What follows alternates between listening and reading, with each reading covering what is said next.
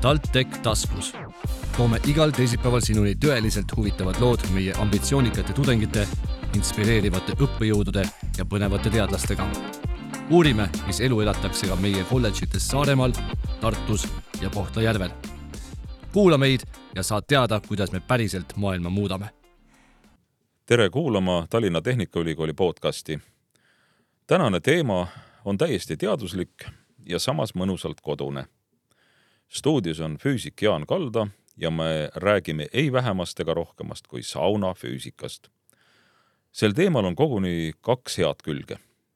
esiteks puutuvad siin kokku teooria ja praktika, aga teiseks võib saunas käia ja ühtlasi teadusele mõelda nii argipäeval kui ka pühade ajal Jaan Kalda, olete Tallinna Tehnikaülikooli täisprofessor tenuuris kas nii tähtsa tiitliga saab ja tohib üldse füüsikast lihtsas keeles kõneleda? üldiselt eh, teadusega laiemalt ja füüsikaga, et eh, mida paremini sa tead, seda lihtsamalt sa suudad rääkida nii, aga läheme sauna juurde.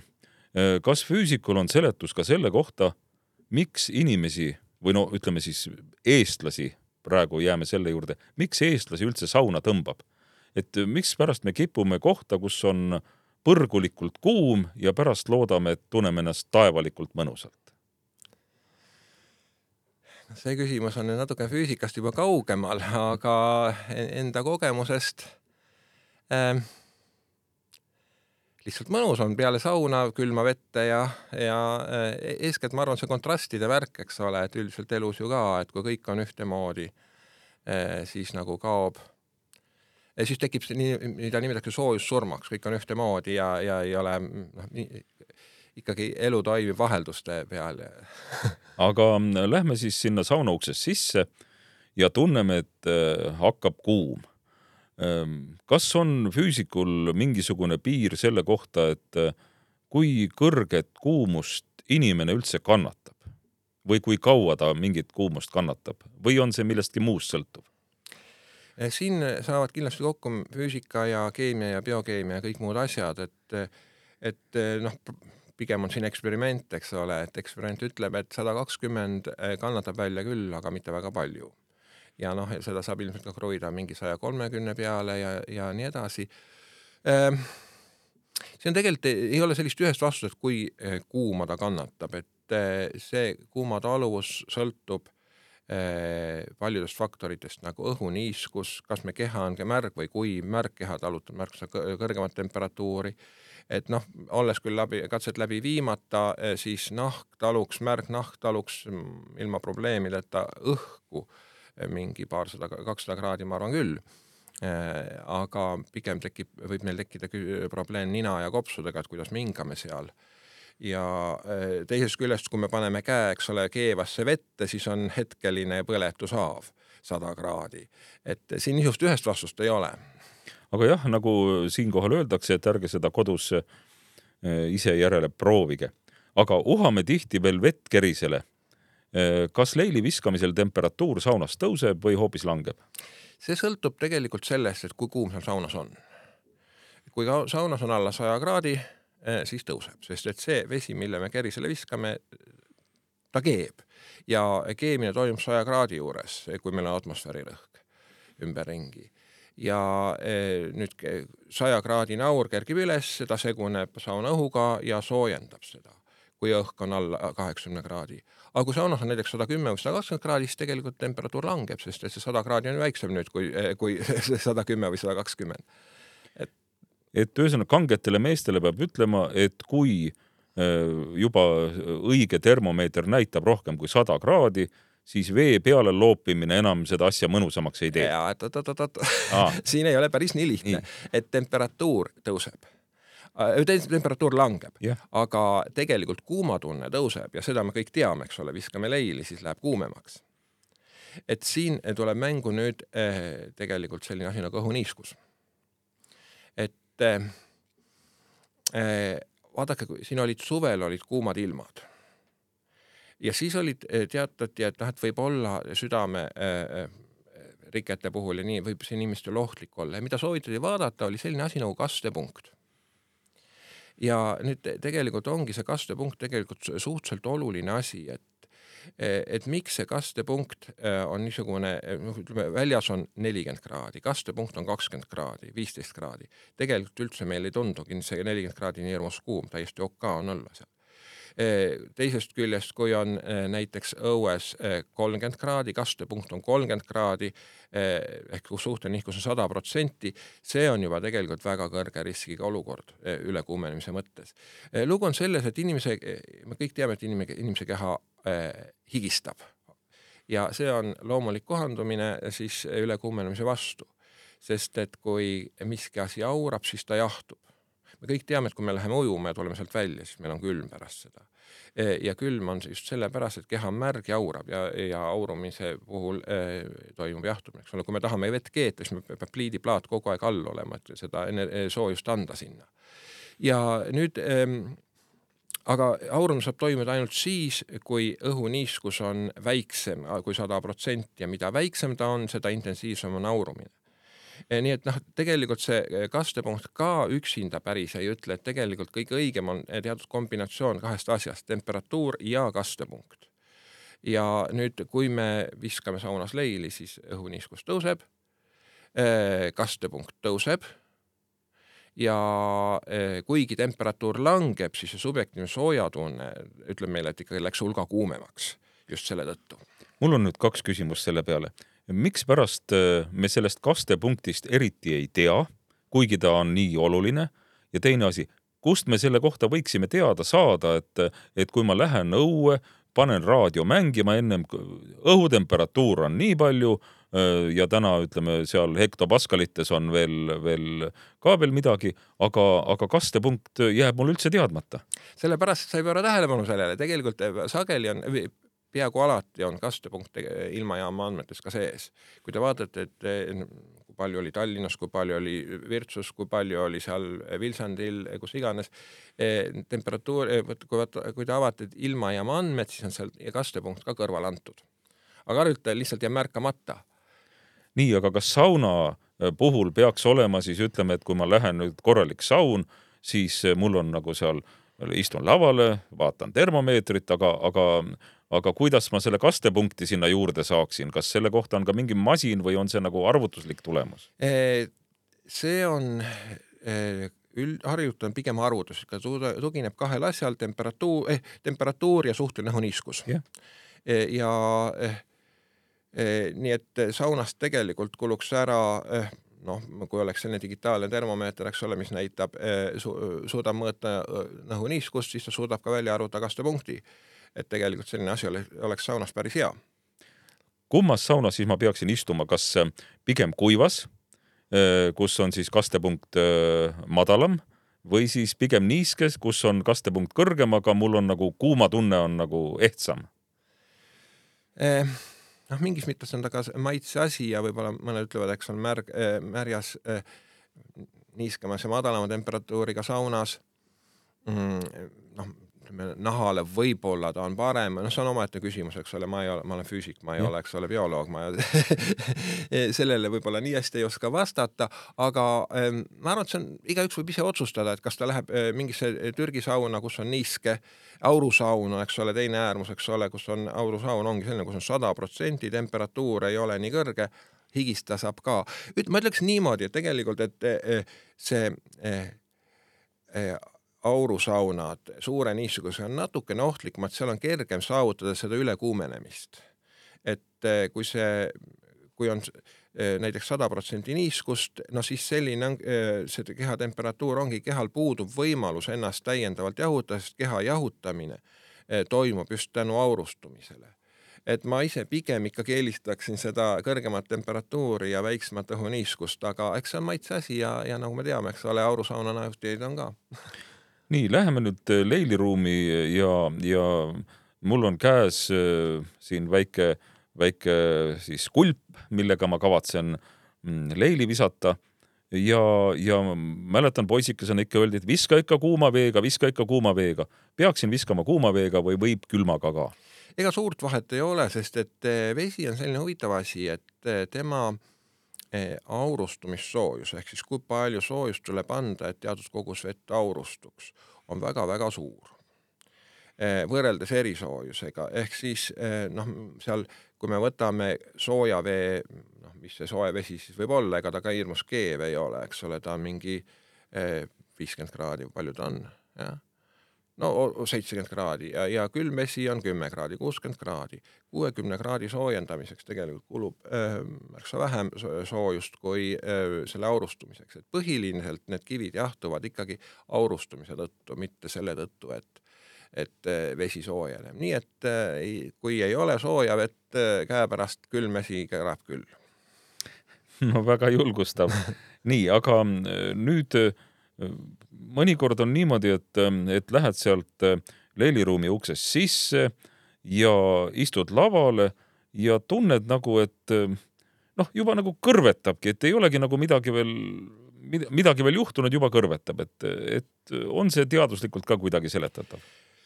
Eh, see on täpselt sellesama eh, keha kuumuse vastase kaitsega seotud, et see on sellesama higistamisega. et ehm, kui te lähete sauna ja teil on kergelt nagu külm nahal siis eh, eh, te lähete sauna ja nahk läheb kuumaks, aga teil endal veel ei ole nii väga sooja tunnet ja keha hakkab higistama tänu sooja tundele, eks ole. keha saab aru, et nüüd hakkab ülekuumenemine toimuma, siis hakkab higistama. aga seda veel ei toimu ja nahk ei saa auruda ja saun on sada kümme kraadi ja nüüd läheb, lähebki see nahk enam-vähem saja kümne kraadini välja no ja te ise teate, mis juhtub, kui panete näpu vastu saja kümne kraadist mingit eh, rauda näiteks, eks ole. Eh, see on liiga palju et, eh, et seda vältida, et sauna minnes nagu hakkab nahal täitsa valus kuumas saunas selle tõttu, et higistamist veel ei toimu. punkt, variant üks, te teete enne võimlete, teete natuke soojaks. et kui sauna lähete, hakkate siis kiiremini higistama või variant kaks, kasvata ennast veega üle enne. väga hea nõuanne, et äh, aga nüüd läheks sinna, et äh, veega kastmise, et alguses meil oli ka juttu, et kui kuumast saunast hüppan külma vette äh,. kuidas vesi nüüd, äh, kuidas öelda, füüsikalises mõttes minuga käitub, et et mis minuga siis juhtub, kui ma, kui ma sinna külma vette satun ja see vesi tundub ilmselt mulle ka külmem, kui ta tegelikult objektiivses mõttes on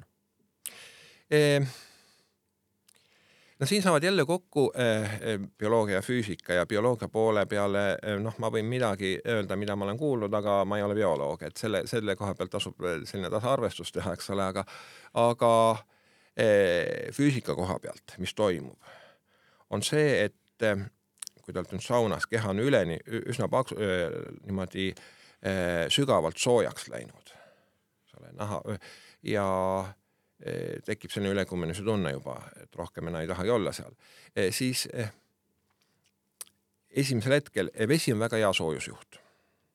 esimesel hetkel keha välispind jahtub väga kiiresti enam-vähem veetemperatuurini. ja mida kauem te seal vees olete, seda sügavamale see külmus jõuab. ja nüüd, kui te hüppate vette, hetkel on külm, hüppate välja, üsna varsti läheb soojaks tagasi et eh, selleks, et sellest eh, keha eh, jõuaks jälle tagasi maha jahtuda, peate olema piisavalt kaua seal külmas vees noh, bioloogid ütlevad, eks ole, veresooned ahenevad ja, ja sellised asjad veel, et noh, see, see oma, omakorda natuke mõjutab seda, kui kiiresti see protsess tegelikult toimub, seal on, tulevad kaks asja kokku. üks on loomulik difusiooniprotsess, see viib jälle meid teise teemani, kokkamiseni, eks ole, sooju, toidu tegemiseni. et äh, no äh, äh, äh, näiteks selline küsimus, et kui me keedame kanamuna äh, kuus minutit, et saada ta mõnusaks, kui kaua te peate keetma äh, jaanalinnumuna, et ta saaks mõnusa, sama mõnusaks?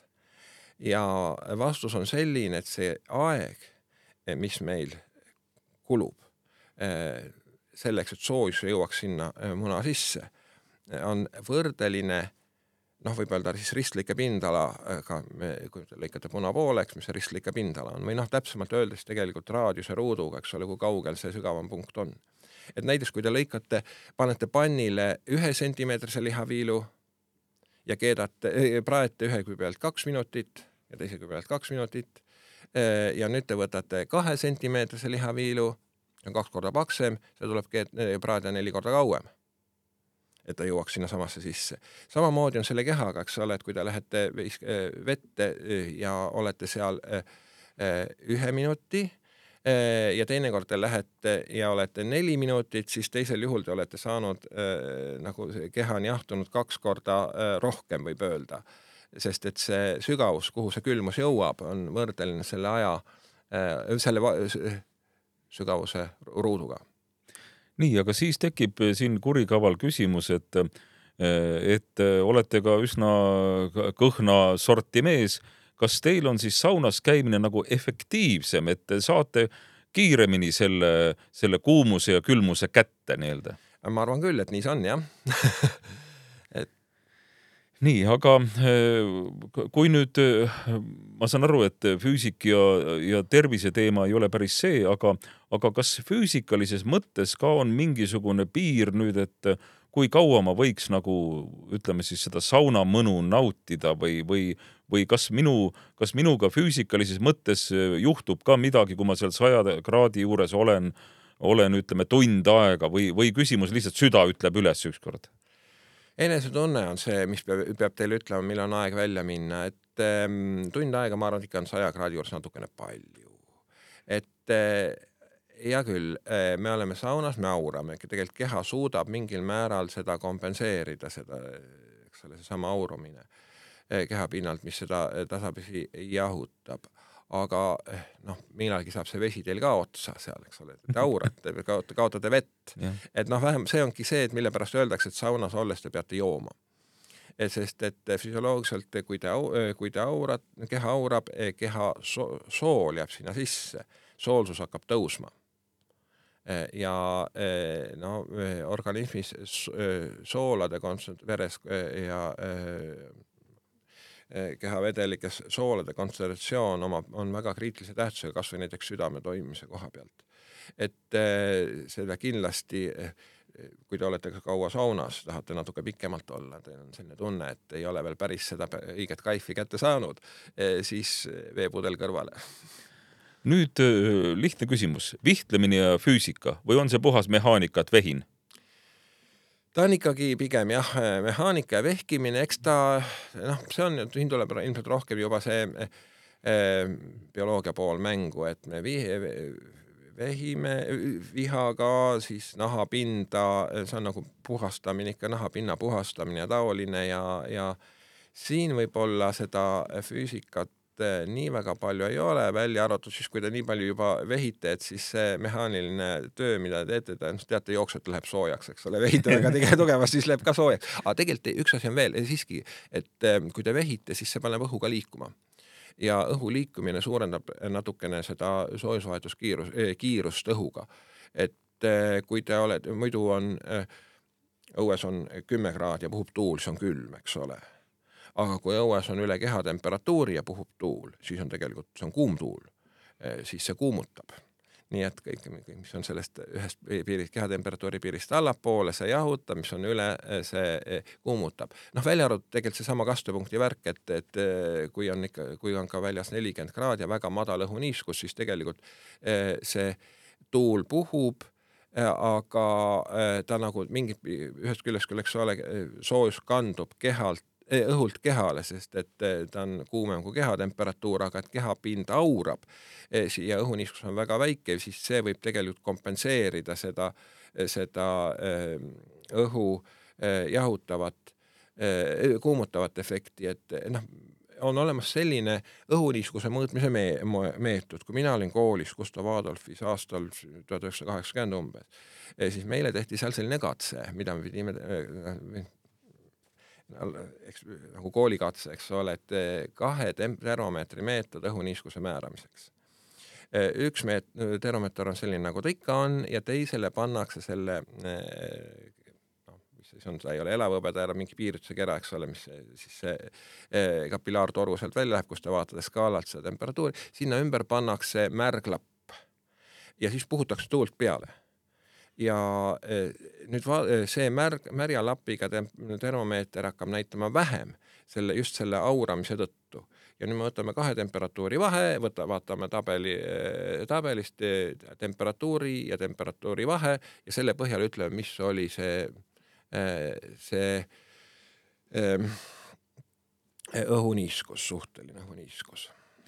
Nõnda, aga, aga nüüd me oleme jõudnud ajaloo küsimuseni ja, ja eestlane on olnud ka selline, kes on, ma ei tea, kas siis meelega või kogemata armastanud ka suitsusauna. võib-olla on, et tal suitsu ärajuhtimise võimekus oli madal, aga võib-olla on suitsusaunas veel miski, mis mis on hoopis teistsugune kui, kui praeguses leilisaunas. ja teine asi, et miks suits silmad kibedaks teeb? Uhuhuu. See on nüüd jah natuke füüsikast juba kaugel. Suitsusaun iseenesest on muidugi huvitav asi, eks ole, et siin jällegi seesama soojusvahetus ja, ja taoline asi, mis me siin enne rääkisin, et et äh, ruutjuur äh, ja ruutja, eks ole, et et äh, suitsusauna, kuidas seda köetakse, eks ole, et sa kütad pikalt ja sa ajad selle suitsu pärast välja, siis lähed sinna sisse ja nüüd, miks seda pikalt on vaja kütta, ongi just sellepärast, et see eh, soojus jõuaks võimalikult sügavalt seintesse sisse ja siis pärast seinad annavad seda soojust tagasi. et eh, see, nii palju on seal füüsikat selles suitsusaunas, eks ole. mitte, et kivid oleks läbinisti kuumad, vaid just, et sein oleks soojem. no kõik, mis seal on jah ja., seinad, põrand, noh, eks need kõik lähevad soojaks, no põrand vähem, sest et soojus läheb ikka üles harilikult aga nii, et ikka põhiliselt seinad, lagi on see, mis kuumaks lähevad selle käigus. Ja, ja noh, see aeg siis on tegelikult võib noh, seinad on palgid, eks ole, seal on päris palju seda massi äh,, aga sügav, et see võtab päris kaua aega et me ärme hakka seda siin praegu arvutama, usume seda rahva kogemust, et kui palju siis, kui pikalt seda kütta vaja oli, et eks siis nii palju oligi vaja, et see palgid enam-vähem läbini ära kuumu-, soojeneksid. nüüd on kaasaegne maailmavaade on väga ka majanduslikult mõtlev, et et kas füüsikul on ka, ütleme, selliseid arutlusi sel teemal, et äkki ma peaks väikse elektrikerise ja võimalikult väikse ruumi tegema või on, kütan puudega või, või tõesti teen suitsusauna, et, et kaua küll kütan, aga püsib ka hommikuni. et kas siin ka mingisuguseid näpunäiteid või juhtnööre võiks olla? Ehm. Noh, elektriga on niimoodi, nagu me teame, elektri hind kõigub ja kui ta nüüd rahakotile, see tegelikult üks hea uudis on. hea uudis on see, et kui te, kui te nüüd olete selline teadlik inimene ja mõtlete süsiniku jalajäljele ja taolistele asjadele, eh, siis elektri hind on väga hea näitaja sellest, kui palju te, teie elekt-, tarbitud elekter eh, seda CO2 toodab. Kui elekter on odav, siis eh, mida see tähendab, see tähendab seda, et elekter, sel hetkel elekter tuleb tegelikult eh, taastuvallikatest põhiliselt.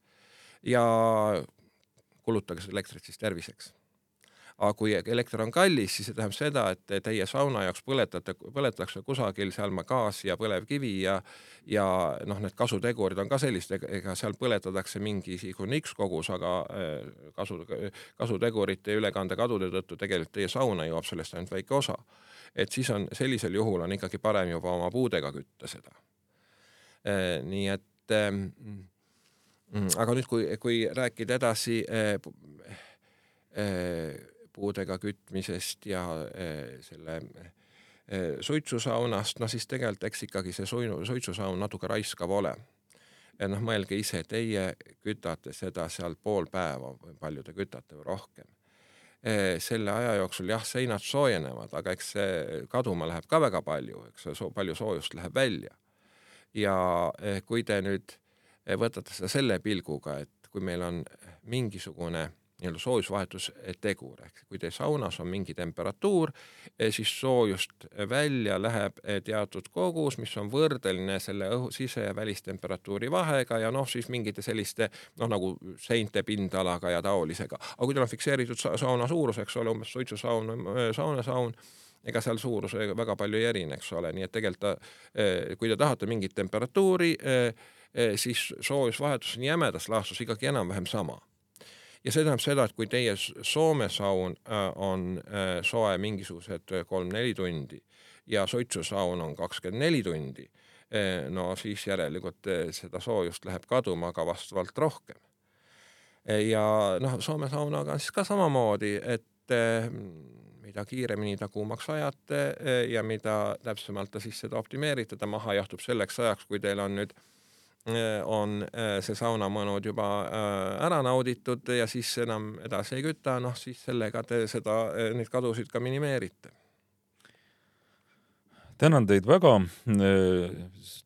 stuudios oli siis füüsik, Tallinna Tehnikaülikooli täisprofessor tenuuris Jaan Kalda ja teda küsitles Tallinna Tehnikaülikooli kommunikatsioonikeskuse juht Sulev Oll ja te kuulasite TalTechi podcasti. kõike head teile!